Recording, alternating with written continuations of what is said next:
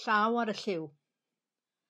Mae fy llaw ar y lliw wedi teithio cryn dipyn ar draws Cymru gyda Llanymddyfrin ddigwyddiad olaf i ni, cyn y clo mawr. Dyma fi ar ôl dwy flynedd fel eich llywydd cenedlaethol yn eich cyfarch oherwydd y Covid-19 yn yr rhifin dwbl cyntaf erioed o'n cilchgrawn amhrisiadwy. Mae'r ddwy flynedd wedi hedfan, wedi bod yn brysur a phleserus, gyda sawl newid wrth i'r mudiad esblygu. Mae gan pob aelod gyfraniad gwerthfawr i'w wneud i'n mudiad, a pheidiwch ag anghofio hynny. Eich mudiad chi yw Merched y Wawr ers 1967. Yn sicr, dros y chwe mis diwetha mae doniau a charedigrwydd ein haelodau wedi eu hamlygu ac wedi gwneud gwahaniaeth yn ein cymunedau.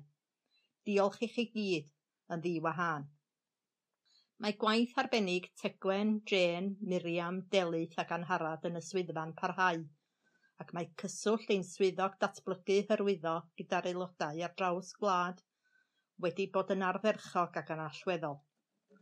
Diolch hefyd i aelodau'r Pwyllgor Lliwio, sydd wedi cyfarfod yn amlach oherwydd yr amgylchiadau drwy Zoom. Yn yr un modd, Pwyllgor y Wawr, fis Mehefin. Rwyf yn cydymdeimlo'n ddwys iawn gyda'r rhai ohonoch sydd wedi colli anwyliaid drwy brofedigaeth yn ystod y cyfnod anodd yma. Fel y gwyddoch, mae ein holl weithgareddau wedi gohirio dros dro, ond llwyddwyd i wneud rhai pethau yn rhithiol. Cynhalwyd ein cyfarfod blynyddol ar wylhaf ar fair 15 ac fe gafwyd ymateb cadarnhaol iawn a braf oedd cyhoeddi bod cynnydd arwyddocaol iawn yn ein haelodaeth. Cafwyd yr wyl lenyddol hefyd fis Gorffennaf. Yn ystod eisteddfod tir urdd ar S4 ac cawsam gyfle i ddanos stondin o nwyddau a'r lluniau o gyn eisteddfodau. Oherwydd penderfyniad yr Eisteddfod Genedlaethol i ohirio, cafwyd trafodaeth ar Zoom ar sut oedd Merched o Awr am symud ymlaen. Fel y mae'r rhan fwyaf ohonoch yn siŵr o wybod bellach, penderfynwyd yn unfrydol yn y Pwyllgor lliwio, fel mod yn parhau yn Llywydd Cenedlaethol hyd at 31 o Awst 2021. Felly, byddaf yn urddo Jill Lewis i'r swydd yn Rhegaron ym mhen y flwyddyn. Bydd cor Hwylio a sawl gweithgaredd arall i'ch diddori a'ch diddannu. Yn yr un modd, mae sawl aelod wedi cytuno i barhau yn ei swydd neu os oedd rhai wedi hethol yn swyddogion gan ganen neu glwb. Diolch i bawb. Penwythnos preswyl Caerfyrddin wedi ohirio tan 2021. Cinio llywydd y gogledd yn westy'r ci deganwy wedi ail drefnu ar gyfer Sadwrn y chwechad o fawrth 2021. Cinio llywydd y de eto i'w drefnu. Cwrs crefft y de o ohirwyd eto i'w drefnu. Bowlio deg y gogledd, dyddiad eto i'w drefnu gan Ffrida. Gwyl y pum rhanbarth, Llanrwst, gohirio tan mai 21.